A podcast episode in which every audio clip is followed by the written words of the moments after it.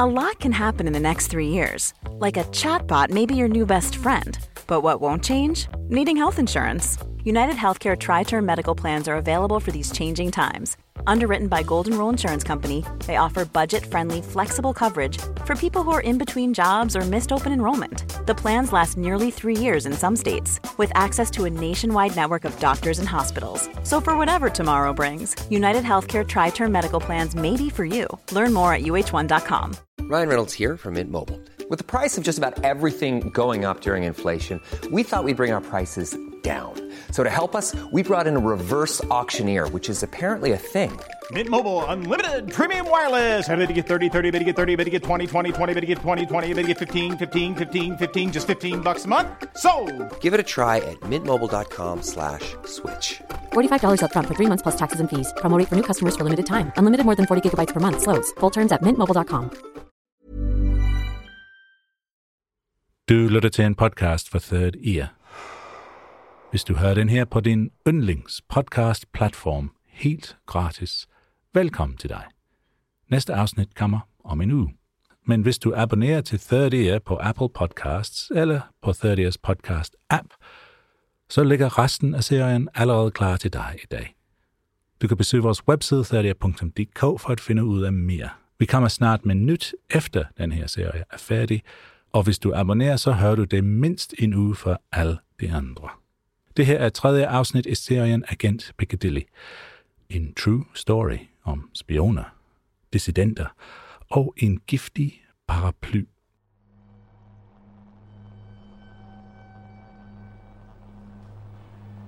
Den allerhemmeligste afdeling i det enorme hovedkvarter for den sovjetiske efterretningstjeneste KGB. Det må være Lab 12. Eller kamera, som det hedder, for dem, der arbejder der. Det ligger i nogle små og mørke rum uden vindue. Det er som at være inde i kammeret på et kamera, når man arbejder derinde. Der er navnet. Her bliver der lavet pistoler, der ligner lommelygter, kuglepinde eller vandrestok. Og bomber, som man kan spænde fast på en delfin. Cyanid spraypistoler. Alt, hvad der handler om fantasifulde måder at dræbe andre mennesker på, det foregår her i Lab 12. Det er også her, de fremstiller det nyeste nye inden for usporlige giftstoffer. Afdelingens motto har altid været, jo mere det ligner et hjertetilfælde, jo bedre. Det sidste nye giftstof, de er gået i gang med at producere her, er et stof ved navn resin. Det bliver udviklet af nogle specielle bønner, de har hentet i Mexico. Kasterbønner hedder de. Resin er helt vildt giftigt. Et enkelt gram resin er nok til at slå 36.000 mennesker ihjel. Men det har også en anden fordel. Det dræber dig, og så forsvinder det. En perfekt gift til et hemmeligt mor. Og det er lige præcist, hvad den bulgarske efterretningstjeneste har bedt KGB om hjælp til. På Lab 12 er de i gang med at lave et ganske særligt våben. Det skal være et våben, der ikke vækker opsigt, selv om man går med det fremme på gaden i London. Så drabseksperterne i Lab 12 kommer op med noget af det mest britiske, de kan forestille sig. En paraply. En paraply, som de har bygget om til at være et næsten lydløst luftgevær, der kan afføre en lille bitte metalkugle på størrelse med et knappenålshoved. Og inde i metalkuglen, der er der resin. De tester det først på en hest. Den er død dagen efter. KGB har også et fængsel for dødsdømte fanger. Og de tester det også på en af dem. Våbnet er klart. Så mangler der bare en legemorder.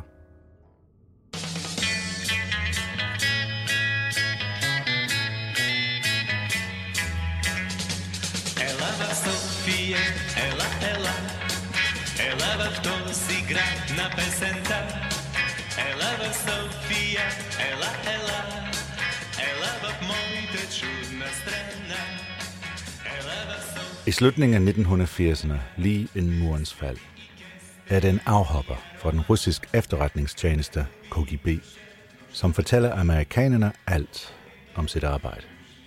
Han fortæller om Lab 12, eller kamera, det sted, vi lige har hørt om i åbningsscenen. Og blandt andet om, hvordan det var derinde, at resinkuglen blev udviklet og testet. Han fortalte, at våbnet, som slog Georgi Markov ihjel, blev lavet der.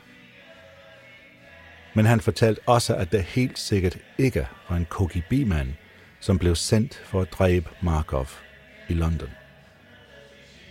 Han sagde, at Bulgariens daværende leder, Todor Shivkov, havde bedt KGB om hjælp til at komme af med Markov. Han fik våbnet, men attentatmanden, det måtte bulgarerne selv stå for. KGB-manden vidste ikke, hvem bulgarerne havde sendt. Efter mange års arbejde på at gøre agent Piccadilly klar til at gøre hvad som helst for sine venner i den bulgarske efterretningstjeneste, har de lige manden til jobbet. Jeg kan rapportere, at agent Piccadilly med entusiasme har accepteret at arbejde på operationen imod Skitnik. Skiknik, vagabonden, det var den bulgarske efterretningstjenestes kodenavn for Georgi Markov. Og det navn stod på en dødsliste, fundet i arkiverne efter kommuniststyrets kollaps i Bulgarien.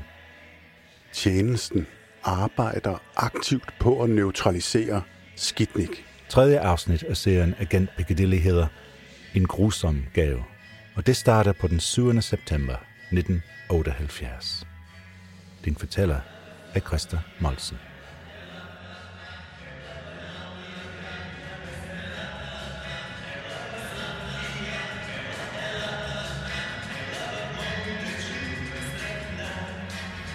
На сърца ни да олекне, да живей, да живей труда! Ето, другари! Труда, труда и пак труда! Нищо друго! А всичко останало, което паразитира около труда, трябва да го махне. Отва да му ударя. Труда, труда и пак труда. Det er Bulgariens kommunistleder Todor Shivkovs fødselsdag i dag. Han bliver 67. Det er en festdag i Bulgarien. En helligdag sat af til at fejre den store landsfader. Der er parader og musik og taler over hele landet. De har været i gang siden i morges. Og på den store plads midt i Sofia er den største parade i gang. Kammerat Shivkov ser ned fra partihovedkvarterets balkon på den store folkemængde. De er her alle sammen for at hylde ham. Han er på højden af sin magt.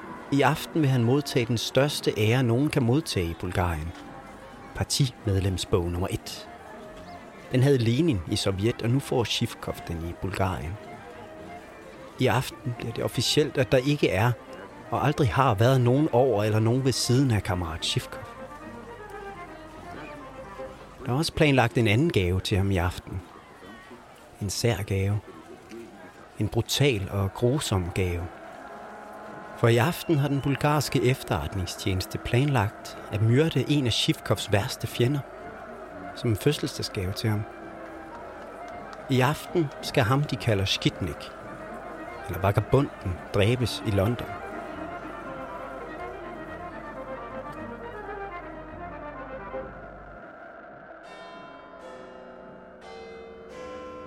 Skyerne hænger tungt over London. Det kunne godt se ud til at give regn senere på dagen.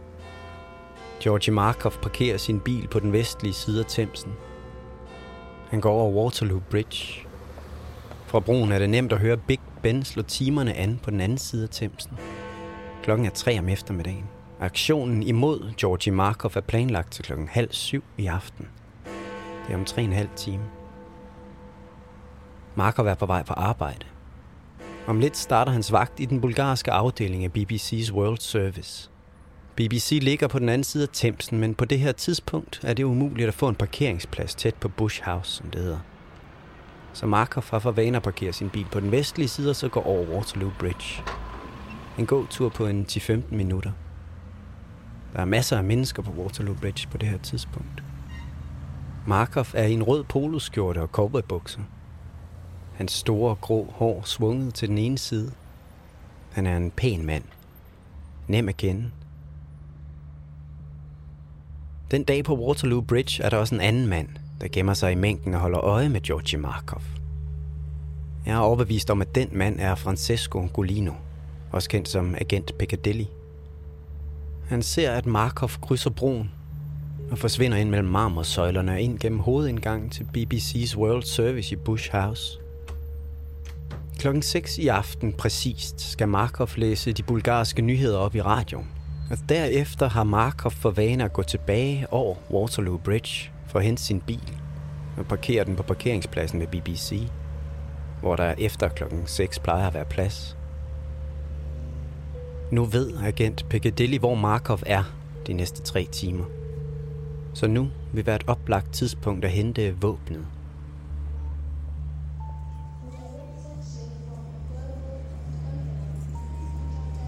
Jeg ved ikke præcist hvor eller hvordan agent Piccadilly får fat i morvåbnet. Men jeg kan komme med et kvalificeret bud. Jeg ved, at der den morgen landede en bulgarsk diplomat i Heathrow Lufthavn med flyet fra Stockholm.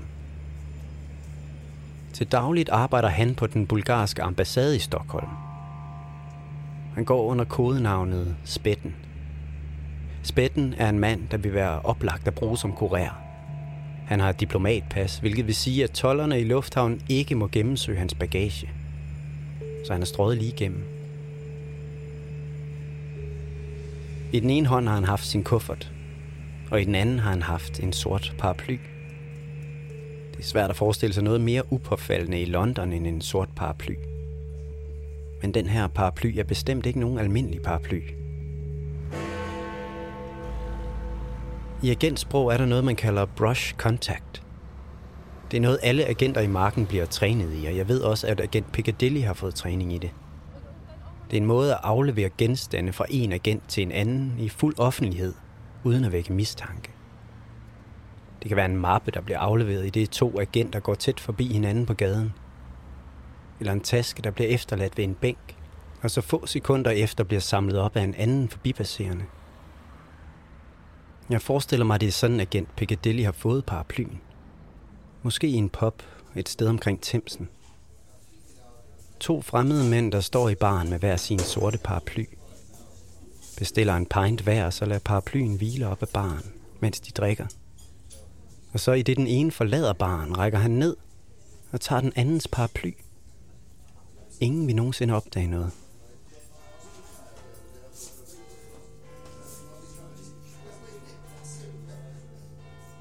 Et godt gæt vil være, at agent Piccadilly har lejet et hotelværelse et sted i nærheden af Waterloo Bridge. Der findes en hel del billige lurvede hoteller deromkring. Jeg forestiller mig, at agent Piccadilly har lejet sig ind på et af dem, og at han ligger på sit værelse, på sengen, fuldt påklædt og med lukkede øjne. Jeg ved, at agent Piccadilly har været igennem hypnosetræning i Bulgarien. Han har lært selvhypnose, at kontrollere sig selv og sine følelser – han har lært at overbevise sig selv, om han gør det rigtige, og at intet vil gå galt. Så må ikke det er det, han bruger tiden på nu.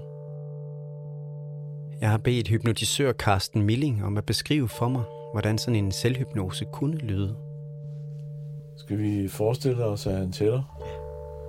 Et dybere, to dybere, tre dybere, fire dybere, 5 dybere, 6 dybere, 7 dybere, 8 dybere, 9 dybere, 10. Jeg er nu dybt og dejligt afslappet. Jeg ligger her på mit hotelværelse og slapper af og gør mig klar til min mission. Om lidt, når jeg er færdig her i trance, vågner jeg op og i det jeg vågner, så er jeg fokuseret, koncentreret om min opgave.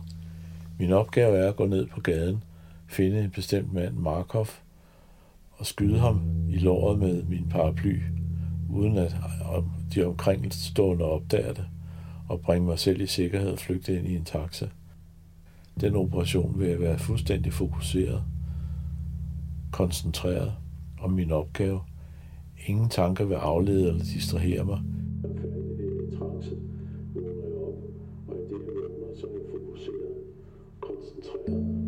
Selv her fra sit hotelværelse, med lukkede øjne, kan agent Piccadilly holde øje med sit mål, Georgi Markov. Det eneste, han behøver at gøre, er at tænde for radioen og indstille den på BBC World Service. Og i det, jeg gør det, i det, jeg gør hele det, den operation vil jeg være fuldstændig fokuseret, koncentreret, klippefast stærk. Om et lille øjeblik, når jeg slår øjnene op, er jeg fokuseret, fuldstændig rolig. Han kender Georgi Markovs vagtskema. Det gør han, fordi sekretæren på redaktionen, fru Kalodova, hun er informant for den bulgarske efterretningstjeneste. Det er derfor, han ved, at klokken præcist et minut over seks, der skal Georgi Markov læse nyhederne op på bulgarsk i radioen. Слушайте BBC Лондон. Предаваме на къси вълни в 31, 41 и 49 метрови сектори. Og derefter har han for vane at gå ned på gaden og gå over Waterloo Bridge for at flytte sin bil. Mit mål er Markov. Jeg er ude på at finde ham nede på gaden. Det vil gå så nemt, så nemt. Og lige om lidt, når jeg tæller baglæns fra 10 til 1, kommer jeg ud af trance og er i den særlige tilstand, der skal til, til at gennemføre det, der er mit forhævne. Jeg slår Markov ihjel. 10. Vågne. 9. Op. 8. Mere og mere. 7. Længere og længere op mod overfladen. 6. Snart er jeg helt vågen klar til mit forhævne. 5. Jeg er klar til at udføre min opgave. 4. Jeg er fokuseret og koncentreret. 3. Snart er jeg helt vågen og klar til min opgave. 2. 1. Vågn op og klar.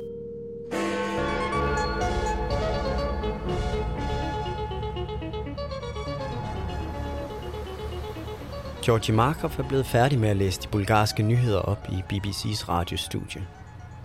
Nu skal han ned og have flyttet den bil, ligesom han plejer.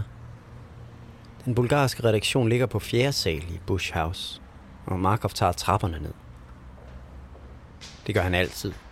Han er en adræt og energisk mand. Han er typen, der småløber op og ned ad trapperne. Og så går han i rask tempo ud af hovedindgangen til Bush House og drejer ned ad The Strand. Herfra er der kun nogle få hundrede meter til Waterloo Bridge.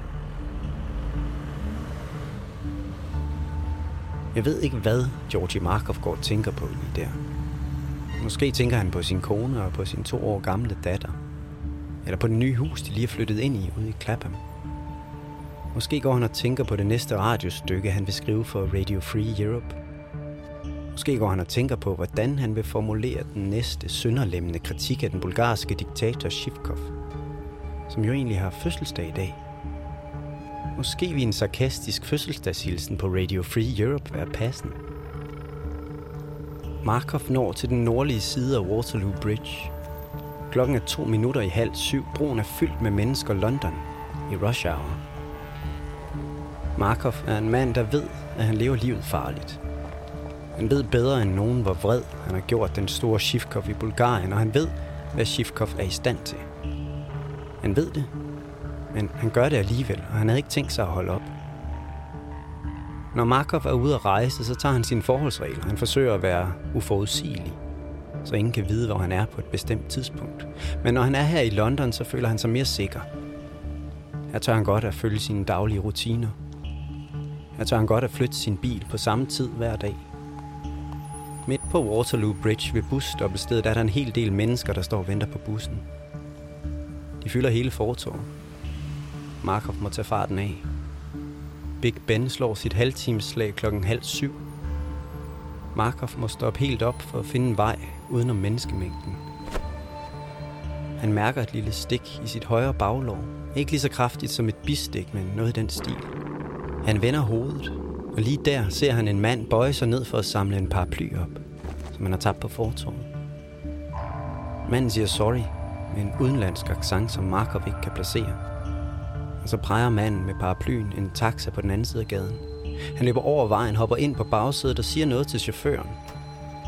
Markov lægger mærke til, at taxichaufføren ikke rigtig forstår, hvad manden siger. Hans engelsk er nok for dårligt, tænker Markov. Til sidst ser det ud til, at det lykkes for manden at forklare chaufføren, hvor han vil hen. Og taxaen forsvinder nordpå over broen. Markov undrer sig over hændelsen, men han aner ikke, hvad der lige er sket.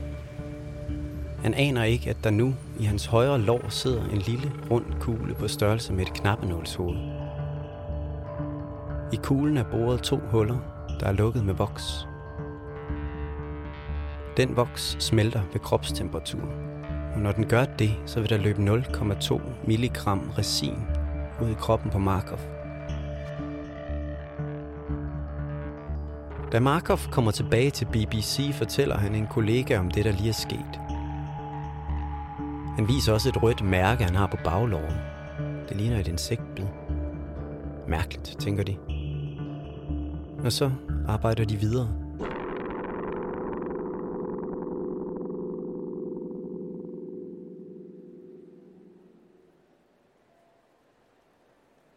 Samme aften i Sofia, i Kommunistpartiets hovedkvarter.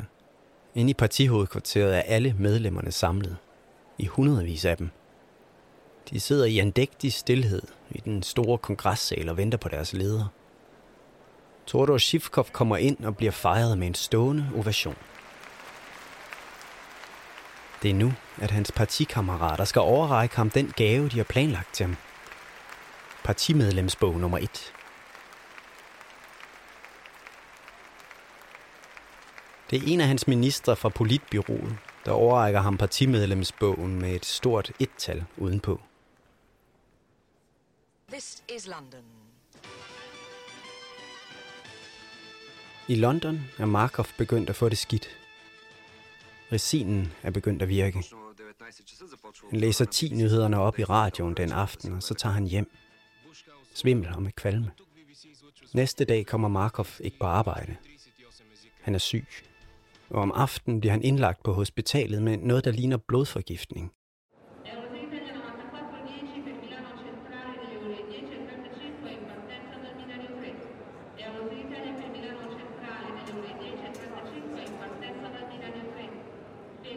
Det er dagen efter, at Markov er blevet forgiftet i London. Nu er agent Piccadilly pludselig i Italien. Han kommer spacerende tværs over Peterspladsen imellem duerne og turisterne, mens han kigger sig omkring, som om han var på sightseeing, men i virkeligheden er agent Piccadilly her for selv at blive set. А, значи няма документи по досието му, че той е бил в Англия на 80, на, по време на убийството. Der er ikke dokumenter, der, øh, der, der viser, at han har været i Storbritannien, mens øh, morden fandt sted. Men der er dokumenter, в, а, в които е установено, че той на 9 септември 78 година се появява в Рим øh, men der er dokumenter, der viser, at han øh, den 9. september i øh, 1978 dukker op i Rom. I dag i Rom er der arrangeret det, der i den bulgarske efterretningstjeneste hedder en visuel kontakt. Visuale kontakttøj. с него да бъде установен визуален контакт, т.е. det er noget, agenter bruger til at give vigtige beskeder, som er for risikable at formulere direkte. Og formålet med den rejse er at opnå visuel øh, kontakt. Et eller andet sted i søjlegangen, der løber rundt om Peterspladsen, så står en officer fra den bulgarske efterretningstjeneste. Han er undercover, klædt ud som turist med et kamera om halsen og i shorts og t-shirt. Men han er her ikke for at se på Peterskirken eller på det sixtinske kapel. Han er her for at se agent Piccadilly. De to kommer aldrig tæt på hinanden. Han bliver i skyggen mellem søjlerne, og agent Piccadilly går bare forbi. De to får kun øjenkontakt. De registrerer, at de har set hinanden. Det er det hele. Det tager kun nogle få sekunder.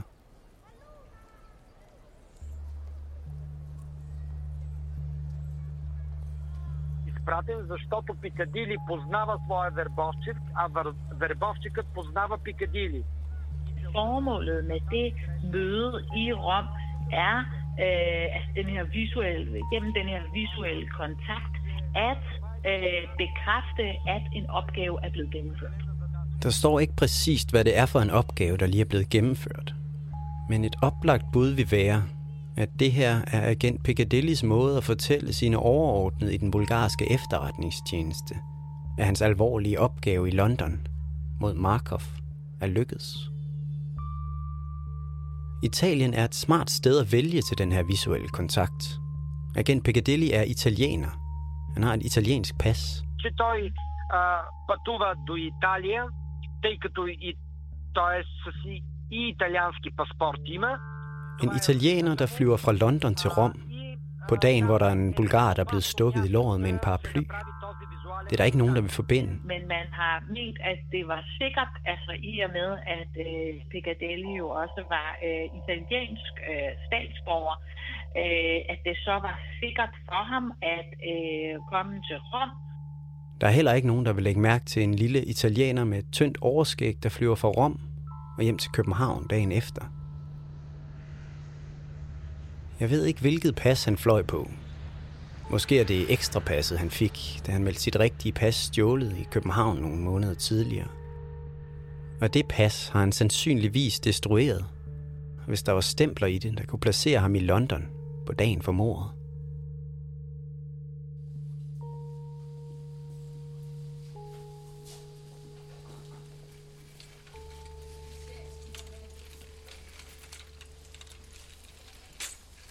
På hospitalet kæmper Markov for sit liv, og for at der er nogen, der skal lytte til ham. Han har fortalt lægerne om, hvad han mener, der er sket på Waterloo Bridge.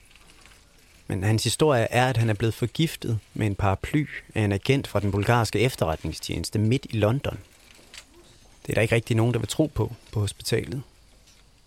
Politiet kommer heller ikke for at snakke med ham. Men hans kone tror på ham. Hun er på hospitalet sammen med ham. Som timerne går, får Markov det værre og værre. Hans lever sætter ud. Hans hjerte ræser i dobbelt tempo. Hans ansigt er hævet til dobbelt størrelse. Han driver ind og ud af bevidsthed.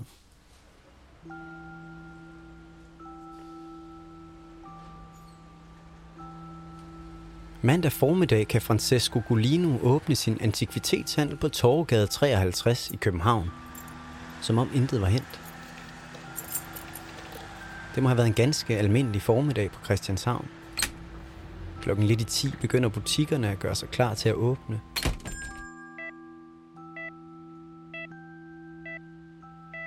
Samtidig, i en hospitalseng i London, holder Georgi Markovs hjerte op med at slå. Først under obduktionen af ham, finder de den lille, bitte metalkugle i hans højre baglov. Den er bare 2 mm i diameter, og så med to bitte små huller boret i.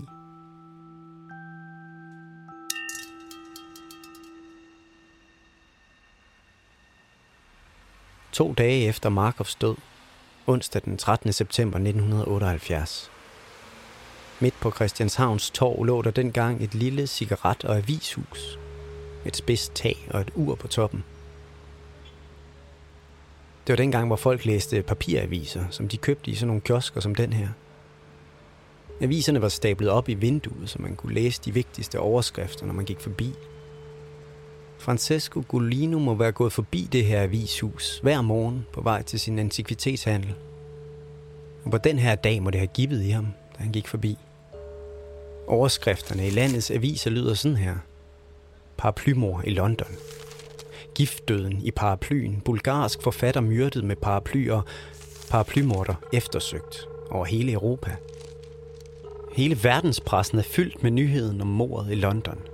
Scotland Yard og Interpol leder efter en gerningsmand, men de har intet at gå efter.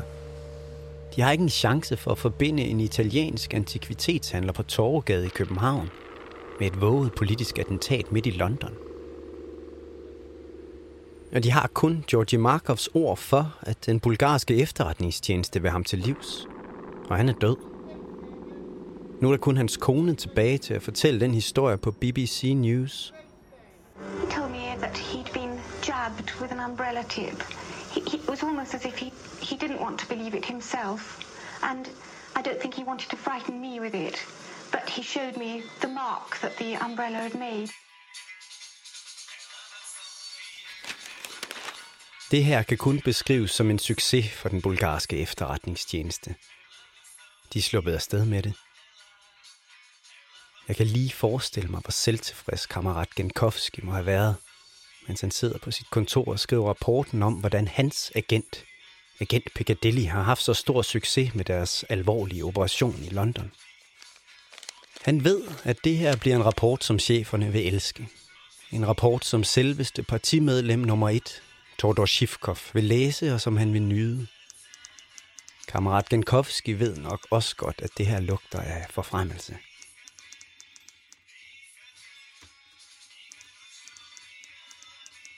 Den her rapport skrevet på et tidspunkt i midten af september 1978, beskriver nok højdepunktet i kammerat Genkovskis karriere og en af den bulgarske efterretningstjenestes allerstørste succeser. Men den rapport vil aldrig se dagens lys.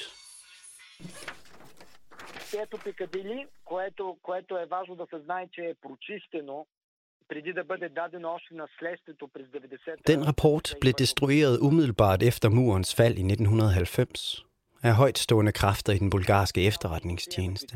Det er vigtigt at understrege, at, at øh, Piccadilly-mappen, den var simpelthen renset.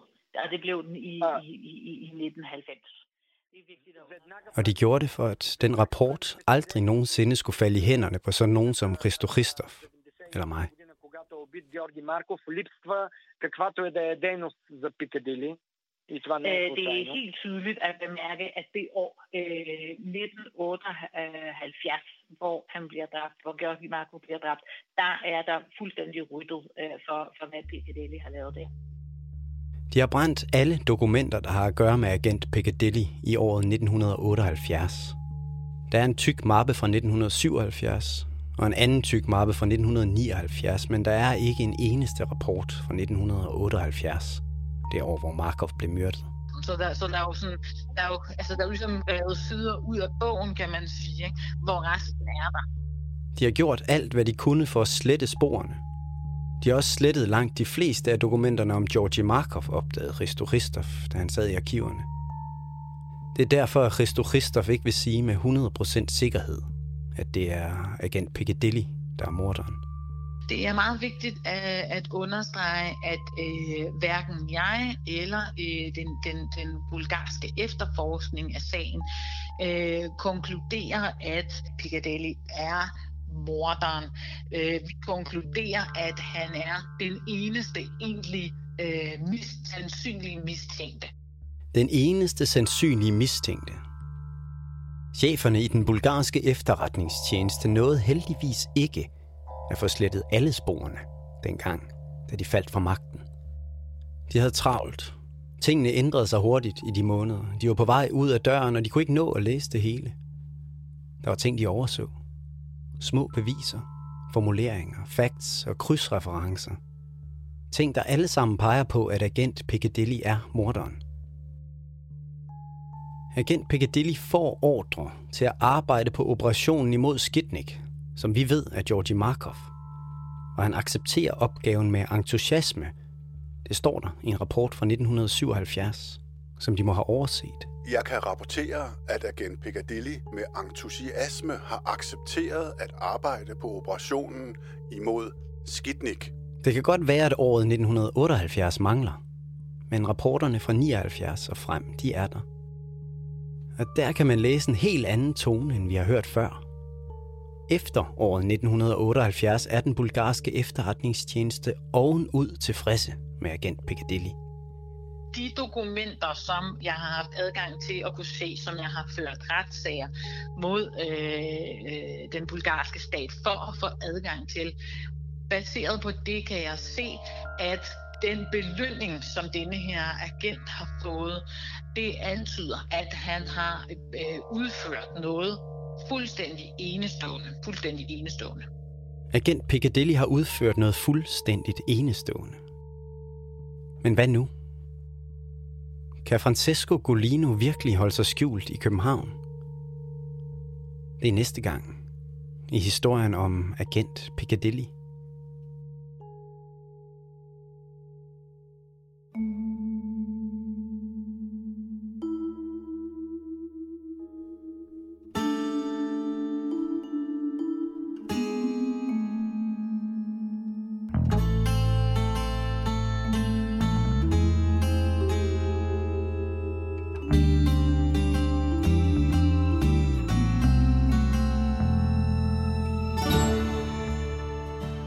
Det var tredje afsnit af Agent Piccadilly.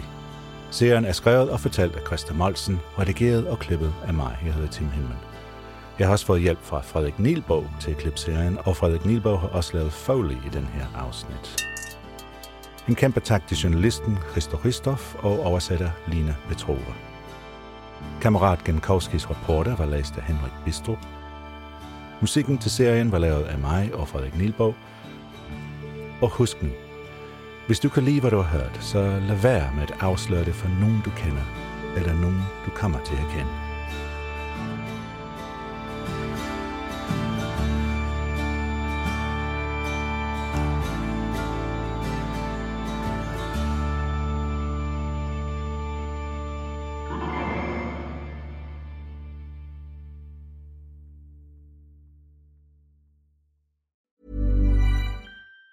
Even on a budget, quality is non-negotiable. That's why Quince is the place to score high-end essentials at 50 to 80% less than similar brands. Get your hands on buttery soft cashmere sweaters from just 60 bucks, Italian leather jackets, and so much more. And the best part about Quince, they exclusively partner with factories committed to safe, ethical, and responsible manufacturing. Elevate your style without the elevated price tag with Quince. Go to quince.com slash upgrade for free shipping and 365-day returns. Planning for your next trip? Elevate your travel style with Quince. Quince has all the jet setting essentials you'll want for your next getaway, like European linen, premium luggage options, buttery soft Italian leather bags, and so much more. And is all priced at 50 to 80% less than similar brands. Plus, Quince only works with factories that use safe and ethical manufacturing practices. Pack your bags with high-quality essentials you'll be wearing for vacations to come with Quince. Go to quince.com slash pack for free shipping and 365-day returns.